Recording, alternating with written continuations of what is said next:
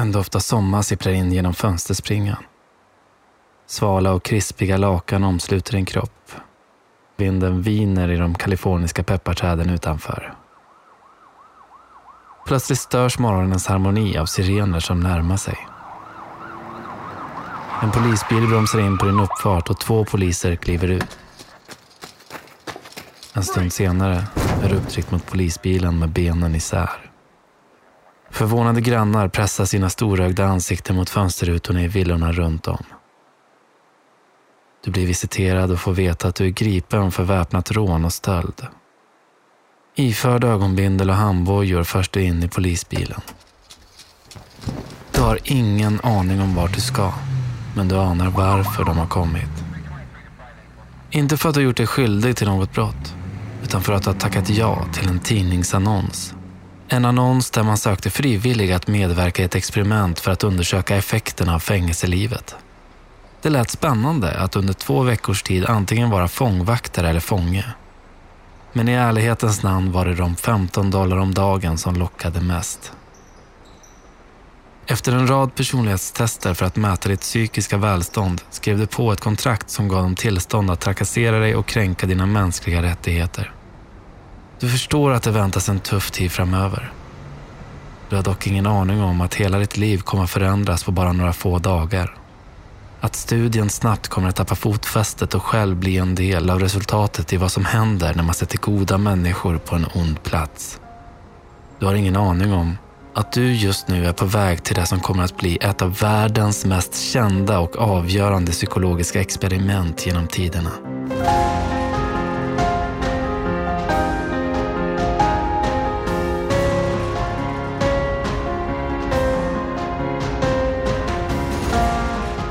Om det var du, en podcast av Erik Mylund.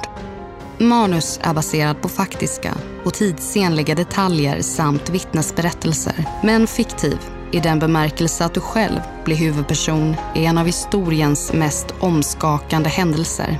Avsnittet är baserat på Stanfords fängelseexperiment och inspirerat av den verklighetsbaserade filmen The Stanford Experiment.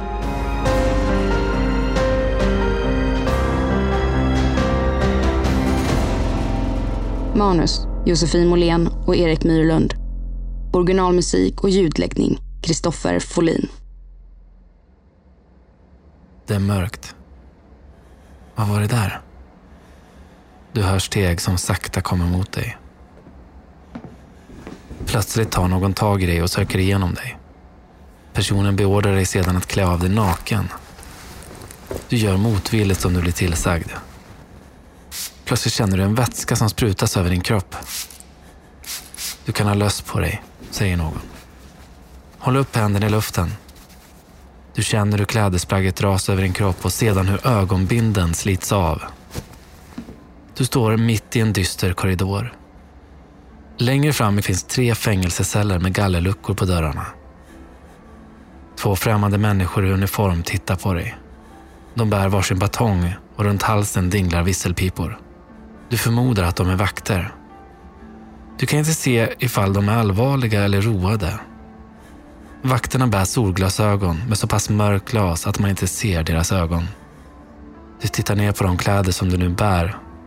Ett vitt nattlinne, gummisandaler på fötterna och inga underkläder har du på dig heller. Och vid din vänstra bröstkorg en siffra. 88 91. Vakten tar fram en nylonstrumpa av träden över ditt huvud. Det ska ju se ut som att du har rakat ditt hår, utbrister han. Situationen är absurd och ni skrattar till lite. Vänd dig om och sätt händerna mot väggen, säger den ena vakten. Samtidigt som du gör det så tar den andra vakten fram en kedja och fäster den runt din högra vrist, likt en fotboja. Efter en stund ställs du med ryggen mot väggen tillsammans med åtta andra fångar. Mitt emot er står vakten och inspekterar er. En av dem tar plötsligt några steg framåt och presenterar sig som Simbardo. Här upp, säger han. Välkomna hit. Jag är er fängelsedirektör. Bakom mig har jag nio vakter och ni är nio fångar.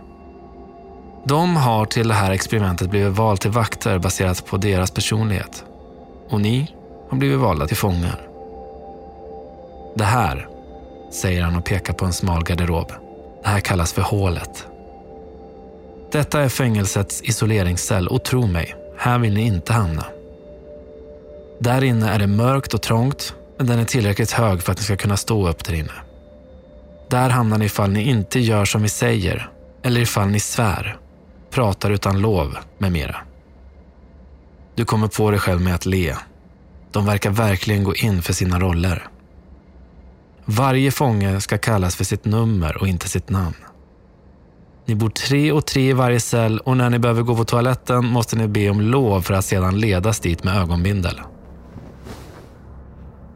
Du sitter i en av de tre sängarna som står bredvid varandra mot de kala vita väggarna. Du skrattar till när du tänker på hur speciellt en vakt sagt åt dig att vara tyst på vägen tillbaka. En av de andra fångarna kallade honom för John Wayne. Ändå kul att de tar det så seriöst. Du tittar ner på ID-numret du fått som ska representera ditt nya namn och ska få dig att känna dig helt identitetslös. Det här börjar kännas lite konstigt. Sakta lägger du ditt huvud på kudden och sluter ögonen. Vad händer? En visselpipa? Lamporna tänds och någon skriker uppställning. Det skaver ordentligt av kedjan runt din vrist när du tar dig ut ur cellen. Du ställer dig förvirrat bredvid de andra fångarna och stirrar på vakterna. Vad heter du? Frågar han som nu kallas John Wayne av er fångar. Ehm. Jaha, du kan inte ditt nummer utan till. John kollar på dig med irriterad blick. Gör tio armhävningar. Du skrattar till. Gör tio armhävningar. Nu. De små straffen fortsätter tills alla lärt sig sina ID-nummer. Du känner att stämningen har övergått till något annat. Du kastar ett öga mot hålet i väggen längst bort. En kameralins. Och där bakom sitter Dr. Zimbardo och den grupp av människor som ska se till att experimentet analyseras och att alla håller sig till reglerna. På morgonen är ni tagna av nattens få sömntimmar och irriterade över hur ni blev behandlade av vakterna. En fånge är väldigt förbannad. Han sliter av sig sin nylonstrumpa på huvudet och skriker åt vakterna att han har fått nog. Hans ilska sprider sig i gruppen och en efter en gör samma sak. Även du. För att vakterna inte ska kunna ta sig in i cellerna så ställer ni era sängar mot dörrarna. Ni skriker på vakterna och svär mot det här experimentet. Det dröjer dock inte länge förrän vakterna kallat på förstärkning och plötsligt öser de in skum genom gallret. Vakterna har hämtat brandsläckare. En ström av kyla möter din hud och du kastar dig bort från dörren. Det är svårt att se. Det är skum överallt. Men du hör att vakterna tar sig in. De är utom sig av ilska. En vakt trycker upp dig mot väggen medan han sliter av dig kläderna. Andra vakter bär ut era sängar. Vakten skriker på dig medan han håller ett hårt grepp om din hals. Du gråter och skakar, rädd för vad han ska göra med dig. Du hör dig själv böna och be att han ska släppa dig. Ni blir instängda i era celler igen, som nu är genomblöta och saknar sängar. Fången som startade upploppet leds raka vägen in i isoleringscellen. Sedan försvinner vakterna iväg och korridoren blir tyst. En av dina cellkamrater möter din blick. Den är mörk. Käkarna sammanbitna och hans hals har börjat få röda fläckar. De kan väl inte göra så här, eller? Det är ett experiment för fan. Du skakar på huvudet. Fastän du egentligen inte vet säkert. Du fryser där ni sitter nakna och genomblöta i den tomma cellen. Din andra cellkamrat sitter lutad mot väggen. Han har inte sagt ett ord sedan upproret drog igång och hans bruna ögon är glansiga av gråt. Plötsligt kommer vakterna tillbaka. En av dem låser upp i celldörr och kastar in en handduk till honom. Vira den runt dig och följ med, säger han. Killen torkar snabbt bort sina tårar med handduken för att sedan vira den runt sig och försiktigt gå efter vakten. Innan vakten lämnar er berättar han att alla fångar som varit lugnast under upproret ska släppas in i en privilegierad cell. De ska få tvätta sig, borsta tänderna och få tillbaka sina kläder och sängar. Vakterna menar att detta är det enda sättet att få er att förstå hur illa ni betett er. Timmarna går. Kylan och hungern är värst. Du sitter och stirrar in i väggen och tänker på fångarna i den privilegierade cellen. Vilka fega as de är. De vågar inte stå upp för sig själva. De tror de är fångar. På riktigt. Plötsligt känner du en doft av mat. Din mage kurrar. Men du tröstar dig med att du i alla fall kommer få lunch snart. Men så blir det inte. Ni tvingas sitta vid bordet. Men bara för att kolla på medan de fega fångarna äter sin mat. Ni sitter lutade mot väggen. Alla försök till samtalsämnen har dött ut. Du börjar bli riktigt hungrig. När din cellkamrat släpps in i cellen igen efter ett toabesök går du fram till celldörren för att be vakten om att också få gå på toaletten. Vakten vänder sig om, men öppnar inte dörren. Han bara tittar på dig innan han pekar på hinken längre in i cellen. Sätt dig och skit där, säger han och ler. Du ler lite också, för du hoppas innerligt att han inte menar allvar. Men vakten låser dörren och kvar är du, två cellkamrater och en hink som ni under de kommande timmarna tvingas använda allihop. Ni ber vakterna flera gånger om att få tömma hinken, men det får ni inte. Till slut är cellen fylld av en stark doft av avföring och urin. Plötsligt för några vakter tillbaka de privilegierade fångarna till sina vanliga celler. De möter er med förvånade blickar när det istället är ni som förs in i cellen med sängar, filtar och mat. Det är underbart att få gå på toa, borsta tänderna och tvätta sig. När ni släpps tillbaka framåt kvällen och alla fångar hjälper till att bära tillbaka sängarna in i vardera cell igen så kollar de fega fångarna snett på er. Vad glor du på? väser en av er. Varav en av dem beskyller er för att vara informatörer.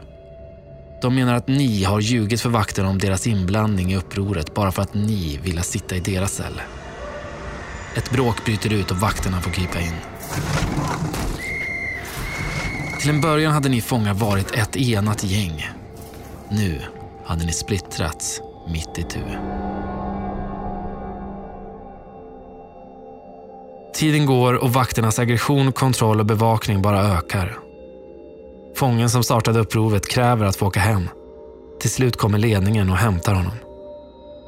Ni tror att han ska få åka hem, men han kommer tillbaka och berättar vad han har fått reda på. Vi kan inte lämna det här stället. De vägrar släppa oss. Det här kommer inte ta slut. Den här informationen framkallar en frusen stämning bland er fångar och du får en känsla av att ni befinner er i ett verkligt fängelse. Samma fånge börjar bete sig allt mer märkligt. Han svär, skriker och får okontrollerade raseriutbrott ända tills ledningen kommer och hämtar honom igen. Efter det kommer han inte tillbaka.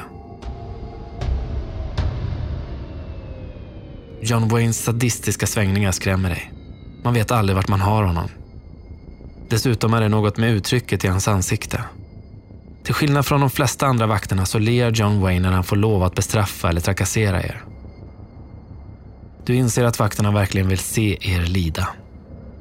De tvingar er att göra enkla arbeten om och om igen. Och hela tiden så ökar de även antalet inräkningar. Efter ännu en natt med inräkningar och trakasserier från vakterna så är energinivån låg hos er fångar. Vakterna däremot verkar ha fått en god natts sömn. Det känns som att ni har varit här i flera veckor nu. Det kan väl inte vara mer än några dagar? Du har tappat tidsuppfattningen för länge sedan. Utan solljus och sömn så ser människor verkligen sjukliga ut. Ni är bleka, slitna och något tomt har vidtagit i blicken.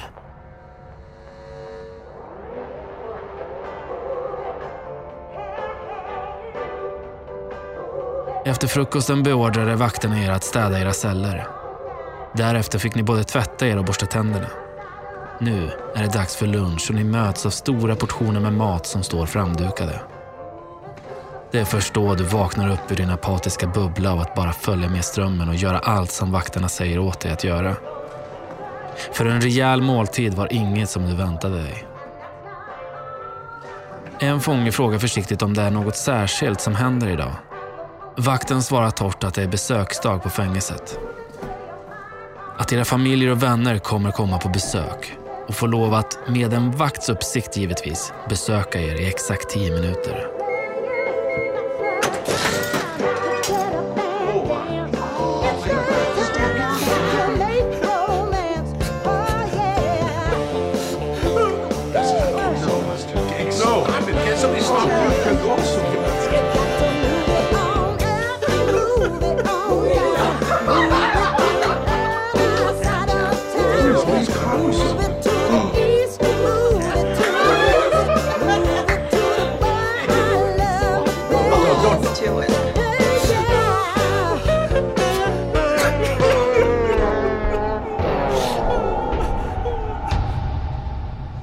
Inte vart ni är. Papperspåsen har skymt sikten ända sedan vakterna och ledningen satte dem över era huvuden och ledde er ut ur fängelsets korridorer uppför massor av trappor. Allt skedde efter besöket från era nära. Det blev oroligt efteråt. Du själv försökte vara närvarande under besöket men allt kändes så overkligt. Dina nära och kära tillhör en annan värld. De tillhör utsidan. Trots att de skämtade med dig såg du i deras ögon att det fanns en oro. De frågade varför du såg så sliten och trött ut. John Wayne gav dig en hotfull blick bakom deras ryggar och du skyndade dig att svara att du bara hade sovit lite dåligt. Men att allt var okej. John verkade nöjd och det hoppades innerligt att din lögn skulle bespara dig en annars pinande straffsekvens efteråt. Men ändå sitter du här, fastkedjad. På vinden. Med resten av alla fångar. För att vakterna hört några av er berätta att fången som nyligen släpptes hade lovat att ta med sig sina kompisar till fängelset och befria er andra fångar. Jag hörde en av vakterna berätta att Zimbardo sitter och vaktar där nere just nu. Att planen är att han ska säga till inkräktarna att alla fångar är fria och har skickats hem. Du hoppas verkligen att inkräktarna kommer snart, så de kan skickas iväg. För du orkar inte sitta här längre. Du vill tillbaka till din cell och sova. Men sova får du inte. För efter några timmar inser ledningen att ryktena om inkräktarna var bara just rykten. Nu är de fly förbannade. Väl tillbaka i fängelset tvingas ni göra armhävningar om och om igen utan pauser. Just när mjölksyran bränner som mest sätter en av vakterna en fot på din rygg och trycker till. Tre, fyra, fem. Det gör så ont att du faller platt när han tar ett kliv på din rygg för att gå bort till en annan fånge bredvid dig som du har glömt ID-numret på. Han befaller en annan fånge att sätta sig på fångens rygg, vilket han gör. Vakten skriker åt fången som nu rosslar och kämpar att han är ett äckligt svin, svag som ett jävla fruntimmer och en oduglig lögnare. Till slut tvingas en annan fånge ställa sig på hans rygg men han klarar bara en armhävning till innan han faller ihop. Du antar att fången som nu ligger framstupa är den de misstänker har spridit ryktet om inkräktarna. Du vet inte. Och du bryr dig inte. För allt du kan tänka på är att klara dina armhävningar så du får lov att gå och lägga dig. Ännu en nattlig inräkning. Dina ögon svider men tack och lov kan du ditt ID-nummer utan till. Inräkningarna kan vara en till tre gånger per natt beroende på vem av vakterna som har skiftet. Du är tacksam över att det inte är John Wayne som har skiftet i natt. Den amerikanska dialekten hade naturligt i början har han sakta men säkert bytt ut. Nu låter han som om han kommer från Texas. Dessutom nöjer han sig inte med endast inräkningar. Han vill att ni ska böja er framför honom och göra knäböj för att sedan tacka herr kriminalvårdare för en tid han och de andra vakterna lägger på odågor som er. Först efter det får ni lov att sova.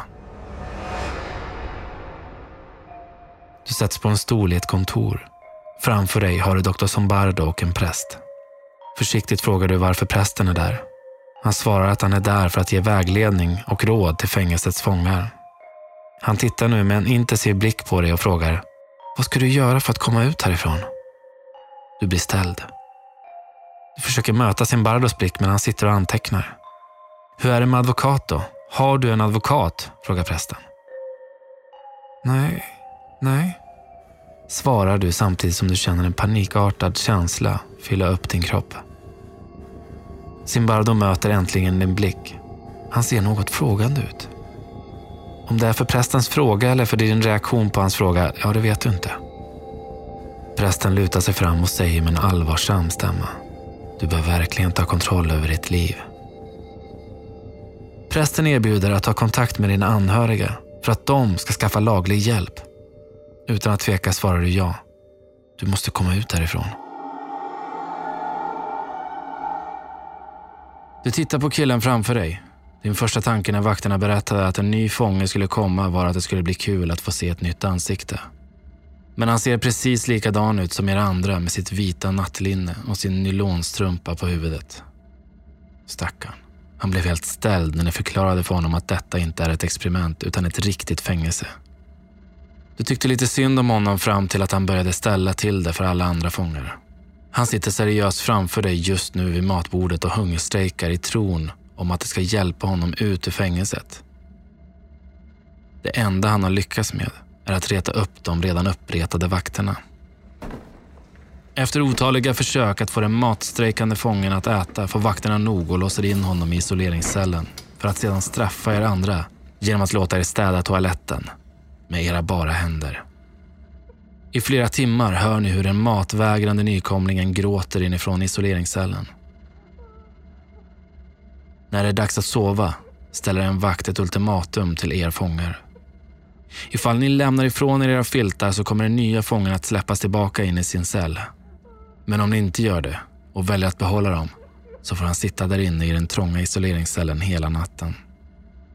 Du tittar på vakten och sedan ner på din filt. Därefter virar du in dig i filten och somnar. Alla andra gör samma sak. Idag kommer advokaten. Du är för trött för att orka bry dig om vad din cellkamrat pratar om, så du svarar kort. Kul. Ni äter frukost och medan ni sedan städar era celler ser du en kvinna gå runt och inspektera er. Hennes blick är djupt oroad och hon ser alldeles förfärad ut. Kanske är det en anhörig som tagit fel på besöksdagen. Tänker du för att i nästa sekund höra hur kvinnan bryter ihop i gråt och drar med sig sin bardo ut ur fängelset. En stund senare händer det ofattbara. Du förstod först ingenting när ledningen kallade in alla vakter för ett möte. Du kunde inte heller ta in vad ledningen sa till er fångar när de höll ett enskilt möte med er efteråt. Det är först nu när ledningen, vakterna och fångarna sitter i en gemensam lokal för att, som Simbardo uttryckte sig, tala ut om allt som hänt. Alla vakter är missnöjda över att experimentet har avslutats i förtid. Men inte ni fångar. Ni är fria.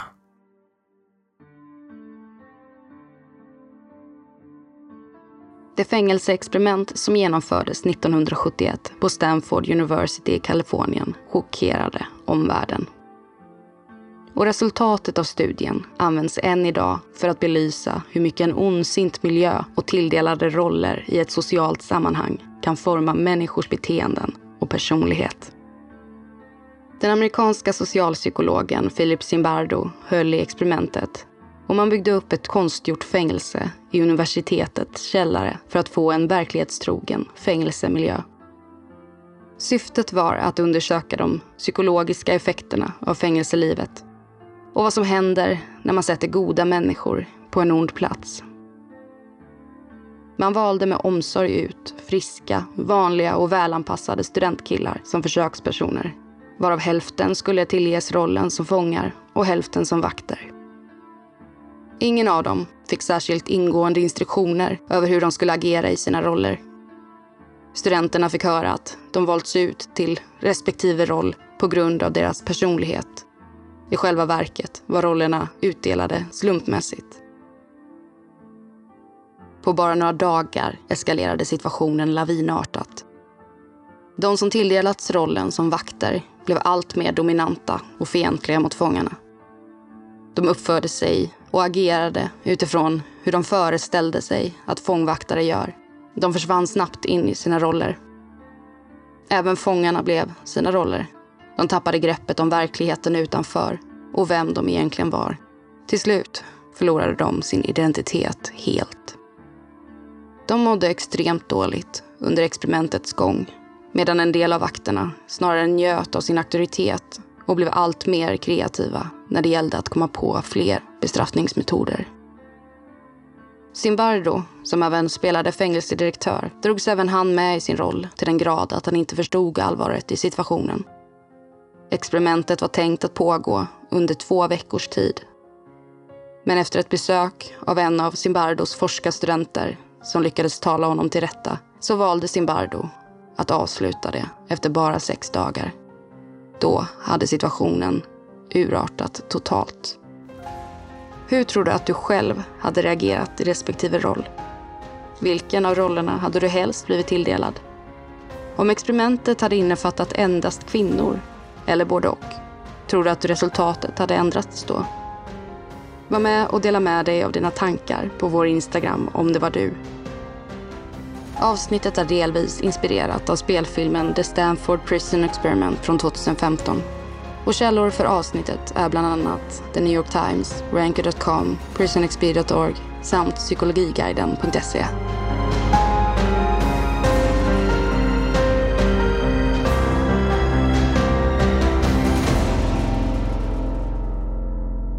Vi blir väldigt tacksamma om du vill stötta vårt arbete med 2 dollar per avsnitt på patreon.com snedstreck om det var du. Eller om ditt företag vill köpa annonsering så kontakta Nent Följ gärna om det var du på Instagram för att få senaste information om kommande avsnitt. Där kan du även tipsa oss om vilken händelse du vill kastas in i nästa gång. Produceras av I Like Radio. I like radio.